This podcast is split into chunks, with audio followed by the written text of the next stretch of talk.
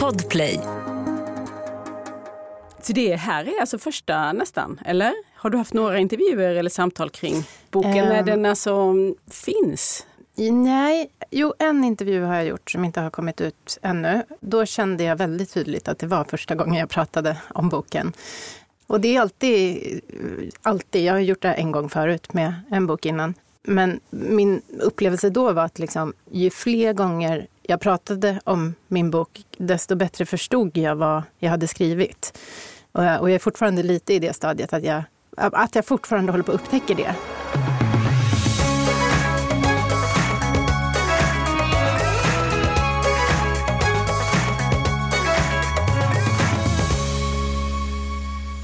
Allt blir bra. Det lovar John och Mary sina barn vid skilsmässan. Och det är också titeln på Carolina Zettervalls nya roman Allt blir bra. Vad är det för slags löfte egentligen? Alla dessa val vi måste göra i livet och bli utsatta för, bortvalda kanske till och med. Och så katastroferna som ingen väljer men som händer ändå. Vem törs då lova att allt blir bra till slut? Det enda jag törs påstå är att Carolina Zettervall är dagens gäst och lite senare också Jerker Wirdborg. För när hans roman Svart krabba nu blir film vill vi som alltid gå till källan. Det här är Samtal om böcker, avsnitt 29 och jag heter Lisa Tallroth.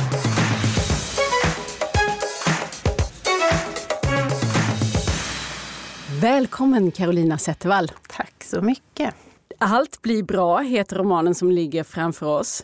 Känner du att du har lovat mycket med den titeln? Nej, jag tycker att eh, den titeln, precis som min eh, förra titel, Låt oss hoppas på det bästa, det är ju, liksom, det är nästan mer av ett varsel än ett löfte som någon eh, kan våga lita på. Men, men precis som du säger så, så anspelar ju de här orden på något som ganska ofta sägs till barn. Ja, senast säkert jag själv i dagarna med anledning av Ukraina-kriget. att man liksom, som förälder vill man ju gärna lova sina barn att det kommer bli bra. Eh, och jag tror att man kan göra det ganska slentrianmässigt. Och det är ju även de här föräldrarna som jag skriver om i den här boken. Eh, så det, är, det är nog, eh, nej, allt blir absolut inte bra. Och det blir ju sällan bara bra för någon egentligen. Men, eh, men det, är, ju- det, det är därifrån det kommer och eh, de här föräldrarna gör det som så många andra. Det är ju väldigt öppet också vad som är bra Ja. och för vem. Det här Ja. kan man peta i och det får man anledning att fundera på i romanen. Men vi ska påminna oss om att du debuterade 2018 med just den du nämnde, Låt oss hoppas på det bästa. Du fick ju sånt där stort genombrott med den boken. Eh, har översatts till många språk och tagit dig ut i världen och det var, ska vi kalla den, kallar du det för en sorgebok? Eh, delvis faktiskt, eh, men inte bara. För mig är det ganska mycket av en eh, uppgörelse med både en sorg och en eh, kärleksrelation och en förlust eh, och ett eh, föräldraskap. Mm.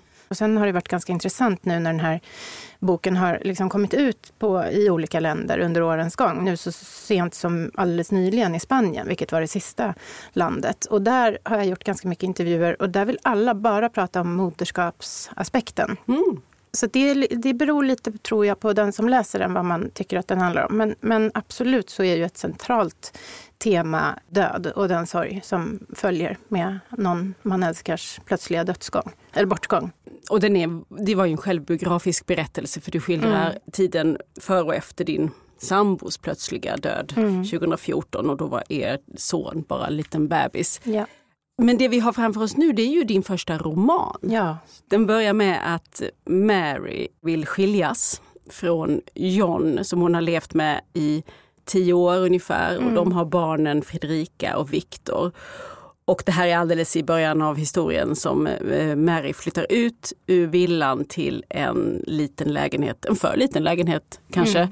Och sen så kommer vi att få följa det här, de här två personerna, John och Mary, under de kommande, vi är väl med dem i tio år. ja, närmare i alla fall. Mm. Och växelvis i kapitlerna då. Och eh, vad är det du har grunnat på som har startat den här boken? Ja, det är nog lite olika saker som blev ett, ett hopkok av, av, av ämnen som ligger mig ganska nära om hjärtat. När jag började på den här boken 2018, då var jag hade precis gått igenom en ganska stor kris i mitt liv. Jag hade blivit förälder, jag hade blivit änka. Eh, jag hade tänkt mycket på ett slags moderskapets klaustrofobi, om man får säga så. Eh, I mitt fall var det väldigt påtagligt, för jag var helt ensam med eh, min son. Men jag kunde också känna att jag liksom ville utforska en slags flyktimpuls som jag själv kunde drabbas av, som jag absolut inte agerade på. Men jag kunde känna att, att eh, rollen som mamma var förhållandevis stundvis ganska snäv. Och att det, att det finns någonting komplexfullt i att bli så pass eh, viktig för någon annan att man aldrig någonsin får sticka och fly. Liksom. Så det var det. Men sen var det också att jag hade ägnat ganska många år åt att gå i egen terapi. Eh, och i sån terapi så blir det ganska mycket att man grottar i sin egen barndom och frågor som kanske har påverkat en ja, påtagligt eller mindre påtagligt. Och det jag hade, ville skriva om från början, det är hur en familjs eh, historia och de liksom, trauman man kanske är med om antagligen beskrivs på helt olika sätt beroende på vem i familjen som får berätta berättelsen. Så att min ursprungliga tanke med den här boken det var att låta hela den här familjen få en varsin röst. Barnen, föräldrarna, det kommer in en bonusförälder, det finns en, en ganska viktig gestalt som är en mormor. Um, det var ganska svårt att skriva eh, en bok i jag-form med fem röster. Eh, om det inte var sex till och med. Eh, att få alla dem att låta autentiska. Så att till slut så skalades person efter person bort. Och kvar i händelsernas centrum stod John och Mary, som är de som är föräldrarna i den här familjen. Um, men sen så blev det nog ganska mycket en uppgörelse kring mina egna tankar kring moderskap. Och eh, jag eh, tog ganska mycket, även om det här är en fiktiv berättelse, så är ramberättelsen, mycket av de skeenden som, som händer liksom i det yttre i den här familjen, skilsmässan, barnen, att, att mamman är den som liksom flyttar ut ur villan och får en annan lägenhet. Sådär. Det var jag med om som barn också. Och jag har liksom tänkt väldigt mycket på det och jag har förstått under min eh, uppväxt att det var ganska udda på den tiden. Att jag var ett barn som bodde mest hos min pappa och liksom hälsade på min mamma. Mm. Mer än att de hade liksom likvärdiga hem och sådär. Eh, jag tror att jag inte upplevde det som så konstigt som jag märkte att människor omkring mig tyckte när jag var liten. Att säga, va? Bor du med pappa? Liksom. Så jag tycker att det finns ganska mycket intressant att gräva ur. Just i att uh, Mary är ju den på den, i den här historien som bryter mot någon slags moderskapsnorm. Som längtar bort. Mm. I boken så är det ju Mary som driver den här skilsmässan. John mm. vill inte det. Mm. Inledningsvis vill inte han att de ska skilja sig. Och um, varför vill Mary skiljas? Jag tror att hon vill skiljas därför att hon är en människa som är ganska otränad i att um, uttrycka sina behov och att ens kännas vid dem. Hon har liksom följt en uh, utstakad stig ända sedan hon var liten. Och när hon finner sig i den här kärnfamiljen i förorten och känner att det är något som fattas. Att liksom, ska det vara så här för alltid nu? Det här var inte så kul. Eh, jag känner mig bara som en behovsuppfyllare hos andra människor omkring mig. Liksom. Då blir det en kris för henne. Och hon vet inte riktigt på vilket sätt man kan lösa den annat än att sticka. Mm. Vilket hon gör. Eh, I förhoppning om att få det att fungera. Men eh, olika förutsättningar, både hennes oförmågor men också lite samhälleligt gör ju att det blir ganska svårt för henne att få vara en, en eh, viktig gestalt i sina barns liv. En praktisk sak som växer till en ganska viktig fråga det är ju deras olika ekonomier. Ja. Att uh, Mary tjänar så mycket mindre och har en så mycket mindre ekonomi mm. än vad John har och det är det som gör att hon flyttar ut till en mindre lägenhet och han bor kvar i villan och barnen ska få vara kvar i villan och knyts därmed. Liksom, de delar ett vardagsliv. Mm. Och det återkommer liksom lite hela tiden att det är lättare för John att finansiera livet ja. i familjen ja. än vad det är för, för Mary. Och med det så kommer ju också att det är lättare för honom att finansiera barnens trygghet. Därför att, eh, att sitta på det kortet i en skilsmässa, att hos oss, hos mig så får ni ha kvar det så som ni alltid har haft det. Ni får ha, era, ni får ha er, er, liksom, er trygghet här. Jag eh, vet inte om man läser boken så, men, men jag var under liksom tiden jag skrev den, jag var ganska provocerad av hur enkelt John gjorde det för sig själv och samtidigt så svårt för sina barn. Därför att han, i den position han befann sig, både i början av boken och i slutet, så hade han kunnat göra det mycket bättre. Vad hade han kunnat göra, tänker du? Han hade kunnat eh, underlätta och bistå barnens fortsatta kontakt med sin biologiska mamma, tänker jag. Trots att hon har lämnat honom. Ja. För det är hon som säger, jag vill inte längre ha dig. Precis. Vilket faktiskt i förlängningen tycks vara det tycks vara John nästan som drar den största vinsten av den här skilsmässan. Inte Mm. bara i relationen med barnen men att hans liv blir eh, så småningom eh, bättre. Att han går vidare på ett helt annat sätt än vad hon gör. Mm. Den som ville ha ett nytt liv får ju inte det Nej. lika mycket som den som egentligen var alldeles nöjd med Ja. det där livet som det, som det travade på. Och det kan jag tycka att eh, ser man inte det hela tiden. Alltså för mig i alla fall, och liksom lyssna på mina 40-åriga singelvänner som är kvinnor. Att liksom, om man ska kalla det för en marknad, men de känner sig inte lika attraktiva i världen. Så som männen i den åldern som går vidare från en familj verkar göra. Liksom. Poddtips från Podplay. I podden Något Kaiko garanterar östgötarna Brutti och jag, Davva, dig en stor dos skratt. Där följer jag pladask för köttätandet igen. Man är lite som en jävla vampyr. Man har fått lite blodsmak och då måste man ha mer. Udda spaningar, fängslande anekdoter och en och annan arg rant.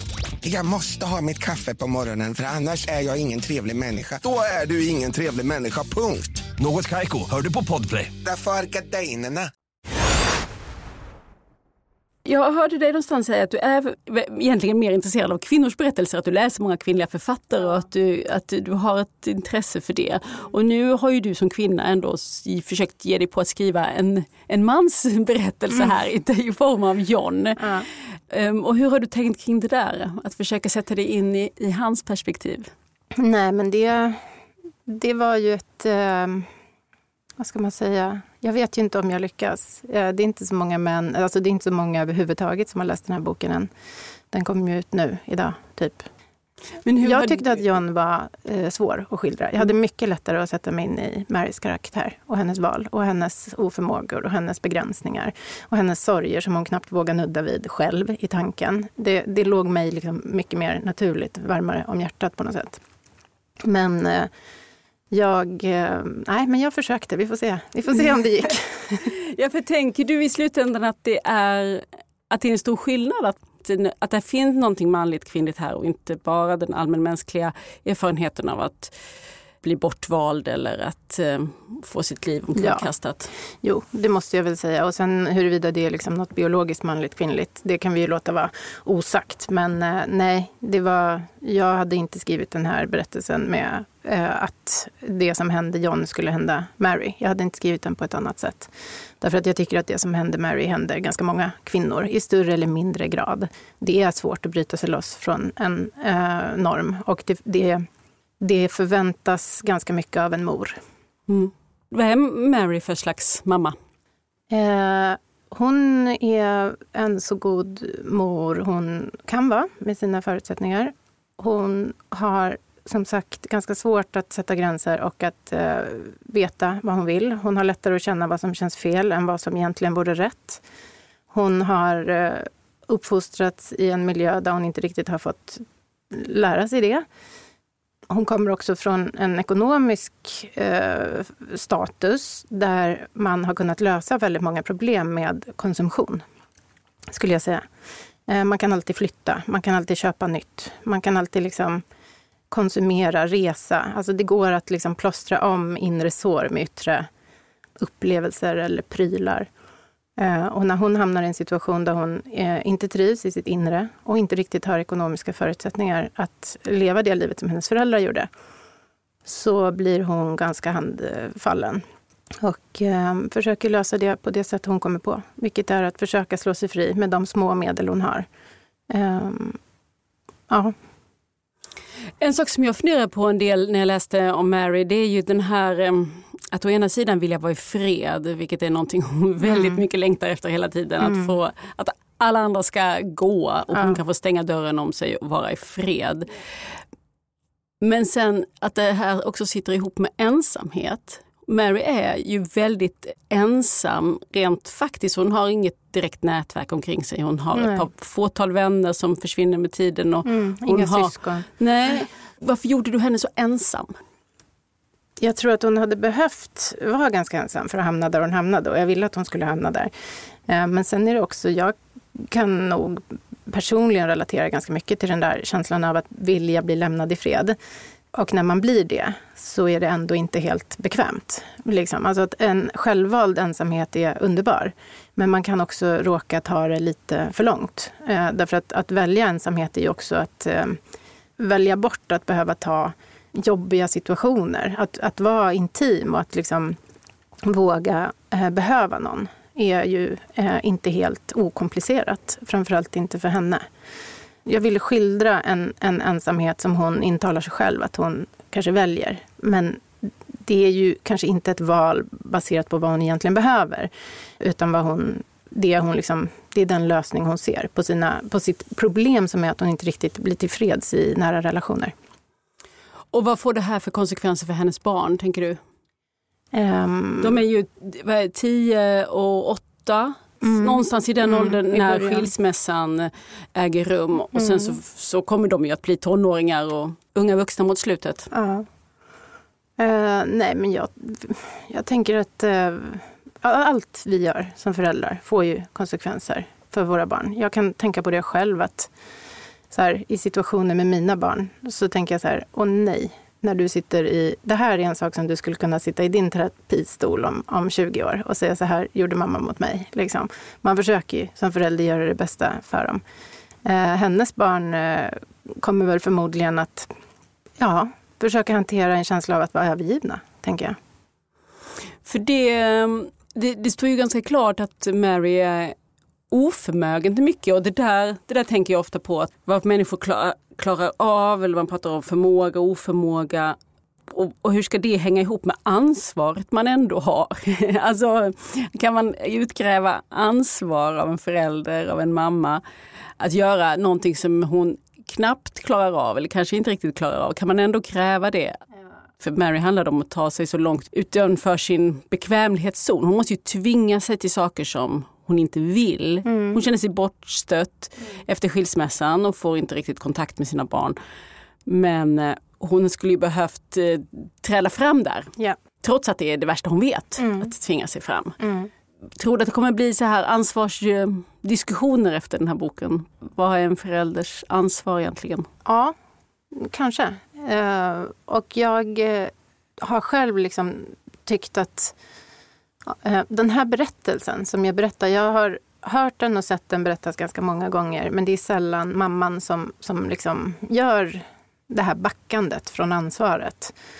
Och jag tror inte att jag hade reagerat särskilt starkt. Jag kan också känna mig ganska upprörd på båda de här föräldrarna. Och tycka så här, men gud, nu får du bara tvinga dig in i de här barnens liv. Liksom. Var inte så passiv. Eh, samtidigt som eh, jag tänker att det, det är ju också ett sätt att vara, ett sätt att ha blivit. Och jag tror att det finns en så här bokklubbstema kring den här boken som jag tror att man kan sitta och diskutera. Och det, det är väl kanske det jag ville också. Jag ville göra henne så pass fylld av eh, brister som framförallt mor.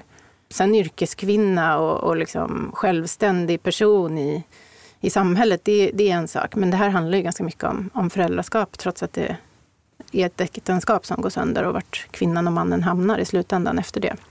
Så det tror jag. Jag tror att det kan bli en diskussion och det tycker jag är intressant. Du har ju ytterligare en intressant eh, sidokaraktär, eh, Jeanette, Nettan, som är, blir den nya kvinnan som John träffar så småningom. Eh, Hon får ju inte tala i egen sak här i boken, Nej. men hon stormar ju in och, och får en stor roll i den här relationen eh, också. Vill du berätta lite grann om henne? Vad blev hennes uppgift i men hon, boken? Ja, jag tyckte att hon var intressant därför att hon var Marys eh, raka motsats. Han eh, kom ju från en relation och ett äktenskap där han hade liksom varit någon slags projektledare Och ganska nöjd sådan. Breadwinner, eller vad det heter. Han, liksom, han, han står för ekonomin, han står för familjens sammanhållning, han står för fjällenbokningarna. Han, är liksom, han håller ihop familjen så som han vill ha en familj. Men då vill inte hans fru vara med längre och sen så kommer efter något år eller två den här kvinnan, nej inte ens det, ett, ja, strunt samma. Det går ganska fort och så kommer den här eh, kvinnan som, som är liksom, hon är allt som han har saknat på ett sätt. Hon är full av idéer, full av projekt, full av eh, självförtroende i att allt är möjligt. Eh, allt vi vill bli kan vi bli. Och det blir ju en ganska lockande situation för honom att befinna sig i. Så han väljer ju det. Eh, kanske i ett tempo och en fart som kanske inte gynnar barnen. Jag hade kanske försökt att vänta lite i ett för, nytt familjebildande på det, eh, i, i, det tempot. Men, eh, men för honom så är det ju väldigt härligt att för första gången på länge få, få luta sig tillbaka och så driver någon annan. Eh, och hon driver ju igenom precis det hon vill ha jag, jag, tänkte inte på honom som särskilt kompetent inledningsvis heller. Nej, nej. Utan tyckte att han var en person som eh, hade liksom hamnat på en plats där han inte ifrågasatte någonting i det gamla äktenskapet och det här kunde mm. tuffa på eh, och får liksom allt, det hela nya livet lite serverat av den nya flickvännen. Eller att det var uh, of, lite oförtjänt att det skulle gå så bra för honom. Mm. Eh, men frågan är ju också det där apropå vad som, vad som är att det går bra. För han är ju framstår ju som en person som inte ifrågasätter sitt liv fullt så mycket. Men han är, han är också en person som är ganska, ganska bra på att uh, gilla läget. Mm. När han blir lämnad och blir ensam med barnen, även om han kanske inte är uh, lycklig över det, så finner han finner sig. Och när han blir uppvaktad och förförd av en ny kvinna så finner han sig i det också.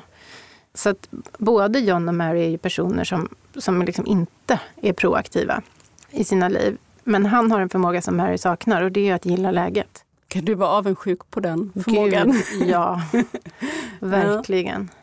För jag tänker att, eh, och jag kan känna igen mig i det där, att eh, tänka att det finns personer som är bättre på att gilla läget. Ja. Och jag har, inte, men jag har inte riktigt förstått om det är bara jag som tror att de gillar läget eller om de verkligen gillar läget. Ja, jag tror vissa är bättre på det bara. Ja.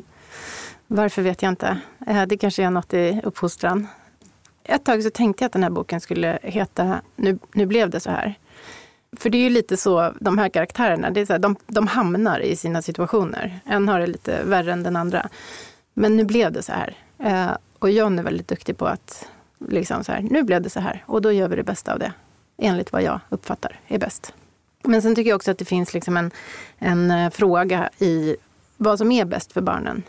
Om man nu ska tänka på dem som, som liksom det viktigaste man har. Eh, det ligger nära till hands för mig att tänka så. Vad är, vad är liksom bäst för mina barn. Ja, men till exempel i en sorgeprocess som jag har gått igenom ehm, efter min sons pappa dog. Då, då, då var ju liksom min ledstjärna ganska mycket en lång tid. Så här, vad är bäst för min son? Inte för mig. Jag kan leva precis hur som helst så länge han är glad. Liksom. Och då är det ganska lätt att lägga sig själv åt sidan för mycket. Mm. Men de här föräldrarna i den här boken, de är ganska inne på vad som blir bäst för dem egentligen. John lägger inte särskilt mycket kraft på att hjälpa barnen med sin relation med sin mamma. Han är inte särskilt generös mot Mary. Och Mary är inte särskilt bra på att ta för sig av det som hon önskar och vill. Hon försöker med subtila medel liksom skicka brev till barnen, skicka presenter, liksom ge, skämma bort dem när de kommer och hälsar på. Men det som kanske egentligen hade behövt är ju en något mer modig och vuxen relation mellan föräldrarna för att snacka igenom vad, vad, vad barnen skulle ha det bäst. Ja, kommunikation eller frånvaron på kommunikation är ju en central källa till problem i den här boken. Och sen mm. utspelar den sig på 80-talet mm. också. Förutsättningarna för kommunikation var ju delvis mm. lite annorlunda då. Mm. Men berätta, varför, varför har du förlagt den till 80-talet? Berättelsen. Ja, de här två personerna är, har ganska svårt för att kommunicera. Och det kändes mer spännande att lägga dem i en tid när inte alla hjälpmedel fanns på plats jag ville sätta dem i precis den krångliga kommunikativa situation de var. Vilket är att man behöver titta på varandra, prata med varandra, våga säga det där som är läskigt. Jag själv är en person som har jättelätt att skriva saker när jag är arg eller besviken eller behöver reda ut. Det har gått många brev mellan, alltså mejl eller så, mellan mig och familjemedlemmar man behöver reda ut grejer med. Eller om jag och min eh, kille är arga på varandra så är jag mycket bättre på att skriva vad jag tycker. Och det är så lätt nu för man kan göra det. Man kan liksom skicka ett sms vilken tid på dygnet som helst och så kommer en lång harang med så här, här har du mina känslor. Du behöver svara på det på något sätt. Men på den här tiden så, så var det ju inte riktigt så. Och jag tycker att den tiden är... Jag växte ju upp i den tiden. När jag var yngre så fick man ju ringa på en fast lina och hoppas att någon var hemma. Det ligger något eh, spännande där tycker jag och det, ligger, det adderar till eh, kraven på människor som ska försöka kommunicera. Mm. Och också det här påminns man om att det var alltid någon som var lite gatekeeper eller den som svarar i telefon blir den som kan avgöra om den man verkligen vill prata med ska komma till telefonen ja, ja. eller inte. Alltså det hinner hända flera saker där. Ja. När vi var barn så pratade vi med allas mammor och pappor när vi ringde hem. Det gör man aldrig nu för tiden. Nej, det gör man inte. Nu ringer man direkt. Men 80-talet eh, det är ju också den tiden som du själv upplevde det här i. Mm. Har det liksom, ligger det ändå lite grann och skvalpar i att, eller att du har någon slags eh, närhet till din egen historia? Jo, jo det är många yttre saker som ja, stämmer överens precis, med din familjehistoria. Inledningsvis så tror jag att jag eh, hade en tanke om att, att skildra mer eller mindre min familjehistoria. Men ju längre tid som, som gick när jag jobbade med det här så fick ju de här, John och Mary blev ju eh, sina egna fantasikaraktärer. Men sceneriet, alltså vad heter det? Ramen? Ja, ramen och, och liksom den scen de befinner mm. sig på. Den påminner väldigt mycket om, om vart jag växte upp. Och att behålla tiden då, som, som var den här tiden runt 80-90-talets brytpunkt, det blev på något sätt eh, naturligt. Och hur har du tänkt kring eh, Fredrika som ju oundvikligen är någon du kan identifiera ja, dig med. Absolut. Alltså dottern i den här familjen. Mm. Hon, vad, vad får hon för plats i berättelsen och hur ville du skriva henne? Ja, det har ju också skiftat genom årens gång. I början hade hon ju en röst. Eh, då var hon ganska lik mig. Sen, eh, sen blev hon, nu är ju hon ett av först två och sen tre barn och sen fyra barn. Hon är väl den av, av barnen som eh, Mary har svårast att kommunicera med och eh, kanske inte älska, men nå fram till. Därför att de är väldigt olika varandra.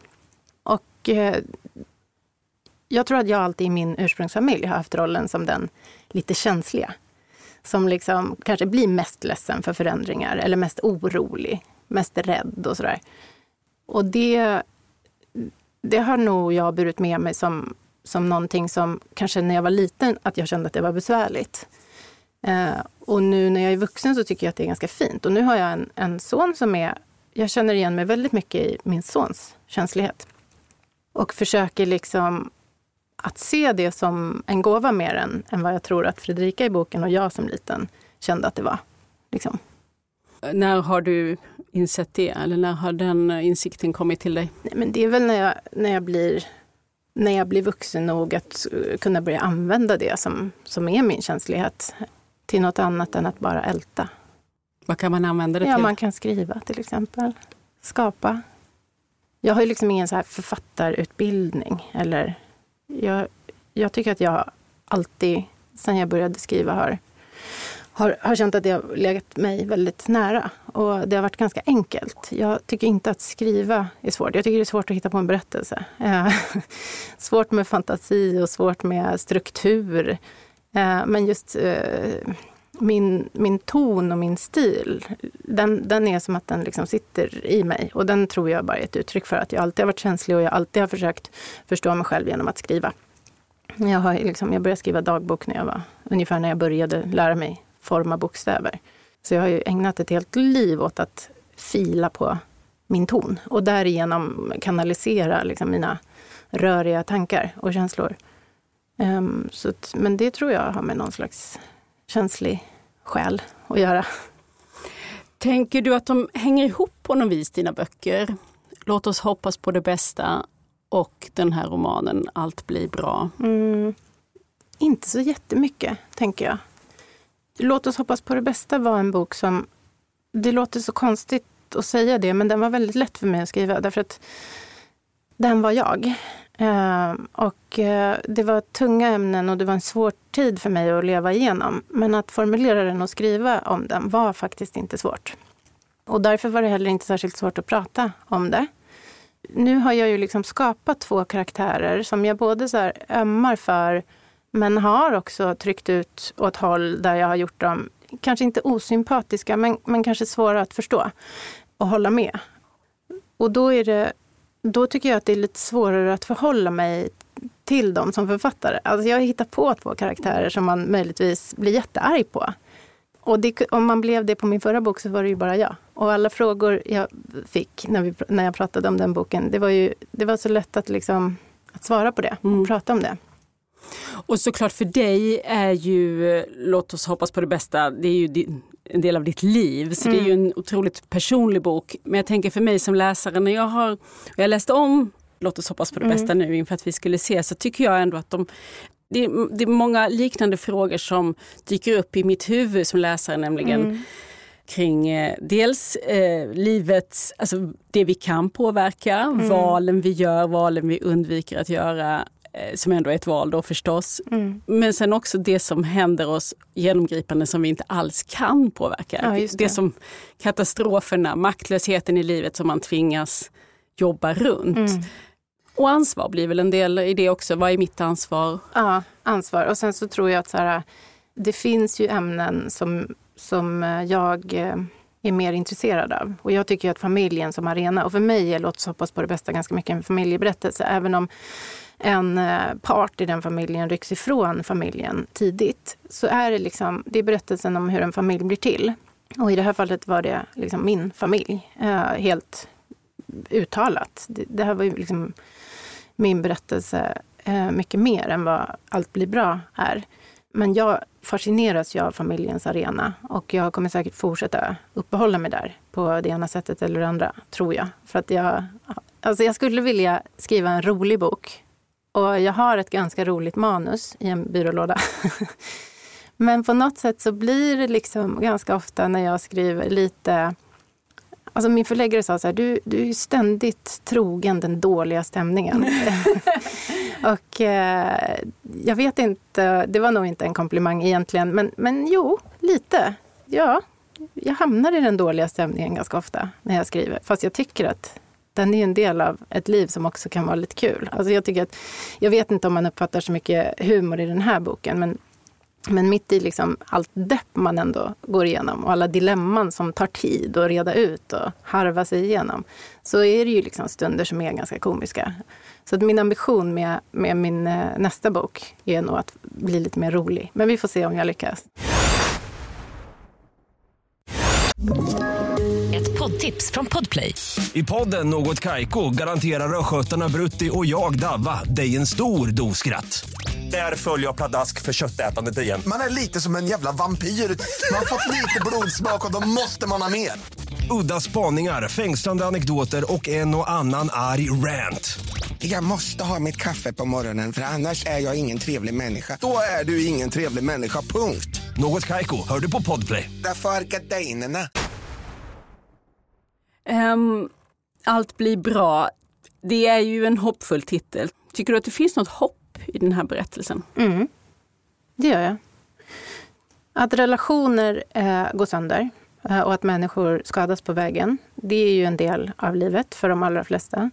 Att eh, människor till slut kommer dö ifrån oss är ju också någonting oundvikligt. Men jag tror verkligen på att det finns försoning och det finns hopp. Och jag tror fortfarande, även om man inte liksom följer den här familjen längre än, än den tid man gör, så kan det ju absolut fortfarande bli bra för dem. Och vad man nu lägger i bra. Mm. Och vad man lägger i allt. Ja, allt. Okej, okay. okay. allt kanske inte blir bra. Men Något. det kan bli okej. Okay. Det kan bli okej. Okay. Mm. Ja. Carolina Zettervall, tusen tack för att du kom hit. Tack för att jag fick komma.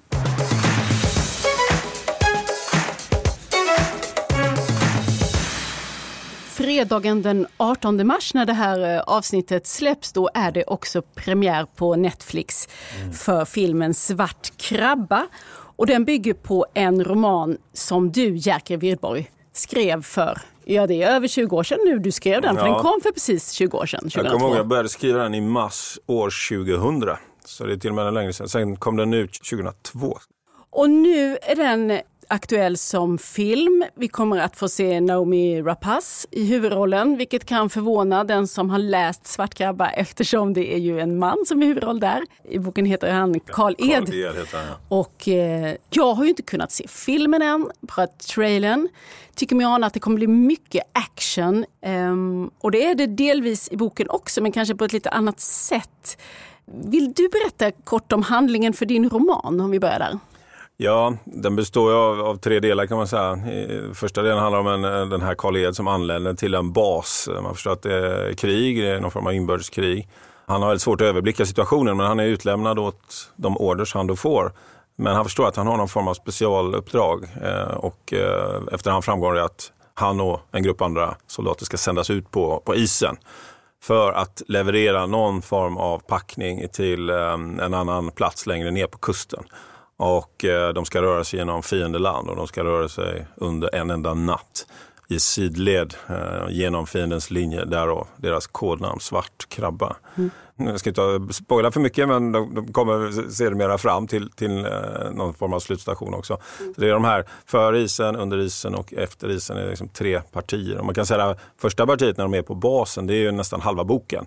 Och det är ju väldigt mycket paranoia där och, och klaustrofobi och samtidigt väldigt utlämnad eh, den här Karl Ed. Han, han, han har omöjligt att, att förstå vad, vad det egentligen som är som händer och, och vem han kan lita på.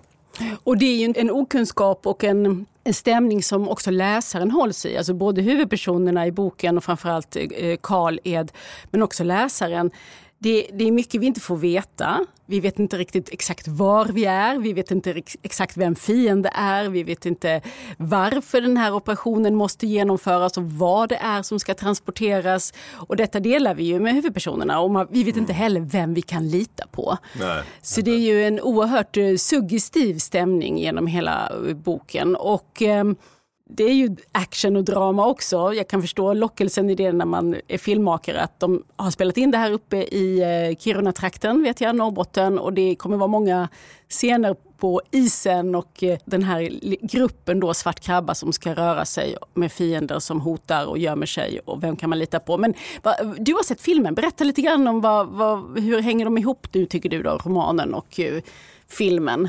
Nej, men grundplotten är naturligtvis densamma, den här, de här tre stationerna kan man säga som jag pratade om förut. Och sen, det blir så när man gör en film att man lägger en fas på andra saker och dessutom har man gjort huvudpersonen här till eh, en kvinna och det finns andra drivkrafter som ligger bakom hennes sätt att bete sig i det här skeendet. Och, och det där är ofrånkomligt. Som författare måste man helt enkelt släppa ifrån sig sin berättelse. Sen är, finns det en större tryck på, eh, som du säger, action, men, men eh, händelser och eldgivning och sådär som kanske inte har lika stor plats i boken. Utan jag var mest intresserad av den här stämningen av krig och oöverblickbarhet.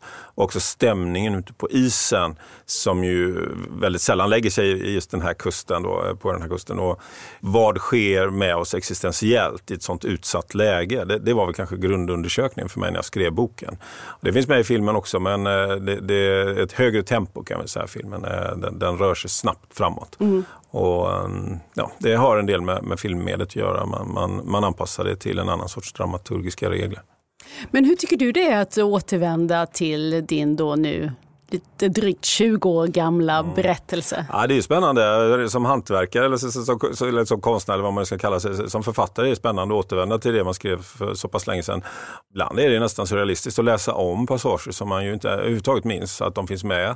Eh, nu har vi släppt eh, den här nya pocketutgåvan och då, då fick jag anledning att korrläsa eh, manuset igen. Det var länge, länge sedan jag var så djupt nere i, i den texten. Och det var eh, häpnadsväckande faktiskt. Eh, vissa saker som, som jag mindes annorlunda eller helt enkelt hade trängt bort. Eh, men samtidigt den där eh, känslan av att, att, att, skapa ett läge med ett oerhört tryck. För det är det ju för den här Karl Ed, ett otroligt tryck eh, från alla håll och kanter och samtidigt att, att inte låta det hända så mycket i det läget utan liksom nästan stanna i det dröja kvar i det hotfulla läget. Det tycker jag fortfarande fungerar väldigt bra i boken. Till 20 år, det tycker jag, det måste jag säga om jag ska vara lite generös mm. mot mig själv. Men, ja, men det tycker jag du ska vara. Och det här är ju krig i vad man ändå tänker sig, skandinaviskt mm. land, även om mm. du inte skriver ut eh, geografin jo. precis. Jo, så är det. Och det är till och med ganska långt gånget i det här kriget. Vi befinner oss ju i någon slags postapokalyptisk situation nästan. Och för 20 år sedan så var inte det fullt så närvarande i Sverige. Krig i världen har det alltid funnits. Då hade precis USA invaderat eh, Afghanistan efter, vi hade ju 9-11 då mm. året innan. Eh, eh, Eh, så jag vet inte riktigt i vilken stämning du skrev, vilken krigsstämning, låter konstigt, du skrev den här, hur närvarande det var för dig. Men idag när vi återvänder till den här romanen eller om man, när man kommer att se filmen så kommer det ju vara oundvikligt att eh, man ser den med en annan känsla av närhet tänker jag till, till just den här beskrivningen av, av krig och konflikt. Mm. Vad tänker du kring det? Nej, men jag tänker att eh, när, när vi pratar om kriget som pågår just nu så, så refereras det ju hela tiden till, till det kalla kriget och det känns ju som någon slags museal period men, men jag är uppvuxen under det kalla kriget i högsta grad. Och eh, de stämningarna som fanns då Eh, då ändå en, en kärnvapenkonflikt mellan USA och Sovjetunionen var fullständigt tänkbar. De, de stämningarna bar jag med mig in i, i mitt vuxna liv och, och rädslan och skräcken kring det som jag säkerligen upplevde väldigt tidigt de eh, fanns med när jag skrev Svartkrabba. Sen tror jag också att jag jag kommer ihåg när jag skrev den och jag skrev eh, senare böcker som, som Skyddsrummet Luxgatan och Sommarens syster som också eh, handlar om krig egentligen i Sverige och så. Beredskapslägen. Då, jag, jag ville åt eh, situationer och scener där väldigt, väldigt mycket stod på spel. Där livet stod på spel och undersöka vad som händer med oss då i en svensk kontext. Jag ville åt det där riktigt farliga, skarpa läget. Mm. För nu hör man ju mycket, senast igår hörde jag på radion en sån här diskussion, lite yrvaken. Men vänta, hallå, om det blir krig, är det jag som ska, mm. är det jag som ska kallas in då? Mm. Vi hör hur man i Ukraina får inte män lämna landet Nej, och så vidare. Och plötsligt, vänta lite nu, skulle det kunna vara jag? Gjorde du värnplikt? Har du alltid haft någon slags kontakt med den här uppgiften eller hur har du förhållit dig till det? Nej, nej jag gjorde inte värnplikten nej. Eh, och eh, jag vet inte om jag skulle passa med, med vapen och så. Eh, jag tror inte jag är rätt person. Åtminstone var jag inte rätt person som ung. Och idag skulle jag nog eh, absolut kunna tänka mig att hjälpa till eh, på olika sätt, även om man kanske inte gör det i strid. Men det finns ju många andra uppgifter i en krigssituation där man kan göra nytta. Men det där är ju en, eh, en viktig del av svensk självbild naturligtvis också. Värnplikt, jag tänker under under 00-talets början så var ju, som Fredrik Reinfeldt då, som, som, som var statsminister sa, det, försvaret var ett särintresse som han uttryckte det. Och det är ju något han har fått äta upp. Men just då kanske inte det var en väldigt långsökt analys heller. Det, det, det, spänningsläget var så pass eh, svalt just då. Men så att du då 2000, 2000 och 2002, där, när den här romanen Svart krabba kom till, då var det den här att åstadkomma en hotfull situation kniven mot strupen för att titta på de existentiella eh, liksom, effekterna. Det var snarare det än krigshotet som sådant som du ja. hade i tankarna då när ja, du skrev visst. den. Mm. Och som krigsskildring är ju Svart krabba otillräcklig. Den skildrar väldigt få strider och den är inte intresserad av det. Liksom, någon form av strategiska avvägningar när, det gäller ett slag eller så. Utan den, den är, ju, den är intresserad av utsatthet och också av människans, här, i det här fallet, också utlämnat fullständigt åt naturen och de krafter som, som ju är ännu större så att säga, än vad ett maskingevär kan åstadkomma i, i en laddad situation. Mm. Men också det att man, det tänker jag är en ganska typisk del av att vara med i ett krig, att man måste man måste vara lojal med saker man inte förstår eller kan överblicka. Eller,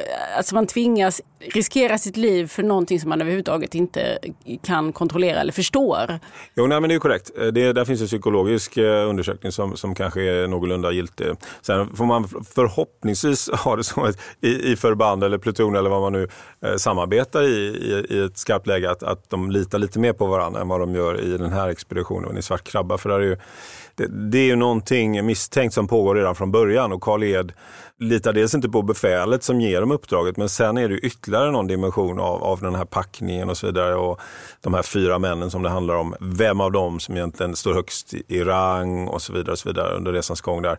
Och vad som ska hända med det här, den hemliga lasten ja, de bär på. Det, det är ju Men man förstår ju inte heller riktigt om det är vanlig mänsklig, mellanmänsklig småaktighet, att man inte tycker om varandra och att det är hierarkier, mm. eller om det här är en del i ett större spel. Att man liksom skapar sig lojaliteter och Precis. fiender. Någon form av konspiration. Nej, vi ska inte spoila för mycket, Nej. men det finns ju vissa nycklar i alla fall mot slutet kring allt det där. Men, men man kan väl säga så här, misstro och djupare misstro, desto mer smittar den så att säga den är contagious, eh, precis som, som coronaviruset. Och det, det är väl en viktig insikt i, i alla sådana här krigslägen att det, det mellanmänskliga eh, är avgörande och eh, då får man fundera på vad är det som gör att vi litar på någon och inte? Och vad är det som gör att man litar på en is och inte? Och så vidare. Eh, och det där är ju skarpa lägen, eh, skarpa frågor som, som pressar oss mot, mot väggen. Och de här frågeställningarna kombinerat med den eh, action och möjlighet till dramatiska scener över isen som eh, det såklart finns möjligheter i när man nu har filmatiserat detta. Och, eh, tycker du att de har fått med essensen i romanen eller vad, vad, vad, har du att säga om det? Ja, författare är ju alltid, eller de är aldrig riktigt nöjda med några filmer. Nej, men jag tycker de har gjort ett fantastiskt jobb. Alltså, det, är en, det är en otroligt intressant, visuellt intressant film och även Adam Berg som är regissör eh, har ju jobbat eh, i, i, i, många år för att förverkliga detta så att han ska ha en stor eloge för det. Mitt i allt det här förfärliga som ju filmen handlar om så finns det ju stor skönhet i, i vissa passager och skulle jag säga ovanliga kvaliteter för att vara en svensk film. Alltså det, det, är en, det, är en, annan sorts budget helt enkelt. Och sen är det också som ren eh, yrkeserfarenhet, okej okay, man gör en film, ja, den, så kan den bli. Eh, någon annan kanske hade gjort en helt annan take på Svart krabba. Men det är också något som man som, som författare måste lära sig att hantera. Ja. Det är någon annan som har, har eh, fått fria händer och det, så måste det få vara. Eh, nu finns båda. Sällan, nu finns båda. Författare är sällan särskilt bra på film. Om säger så. Alltså att göra film. Det är väldigt ovanligt. Du ska veta att i den här podden skäms vi inte för att säga att boken är bättre. Jag kan, jag kan vara den som säger det. Men jag har ju inte hunnit se filmen än. Jag har bara sett trailern. Jag ska inte säga att boken är bättre, men bok, boken är annorlunda framförallt lite långsammare. Liksom. Såklart, det handlar ja. om tempo mycket. Mm. Och det här som jag pratade om förut, att dröja kvar. För de gjorde ju faktiskt en film för en gångs skull. Ibland ska ju allting bara bli serier. Mm. Men i det här fallet är det en film vi pratar om. En film på svenska dessutom då. Så att det gör det ju ännu mer liksom, ovanligt. En mm. originell film får man säga. En, en thriller på svenska. Vi ser ju mest crime annars. Och Svart krabba finns ju nu förstås också i en ny pocketutgåva. Tusen tack Jerker Wirborg för att du kom hit. Ja, tack för att jag fick vara här. Ja, nästa vecka tror jag att vi kan komma att prata om girighet. För det är ett tema i debutanten Viktor Pavik Lundbergs roman Den som överlever. Och Viktor är min gäst nästa gång vi hörs här i Samtal om böcker. Ett avsnitt som finns ute på fredag i gratisappen Podplay, annars på lördag på alla andra ställen. Följ oss gärna i sociala medier. Där heter vi Selma Stories. Och jag heter Lisa Tallroth. Hej då!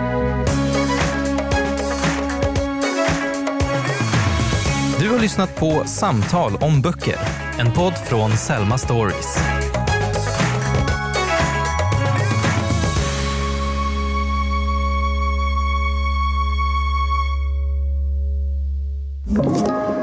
Podplay. Ett poddtips från Podplay. I podden Något Kaiko garanterar östgötarna Brutti och jag, Davva, dig en stor dos skratt. Där följer jag pladask för köttätandet igen. Man är lite som en jävla vampyr. Man har fått lite blodsmak och då måste man ha mer. Udda spaningar, fängslande anekdoter och en och annan arg rant.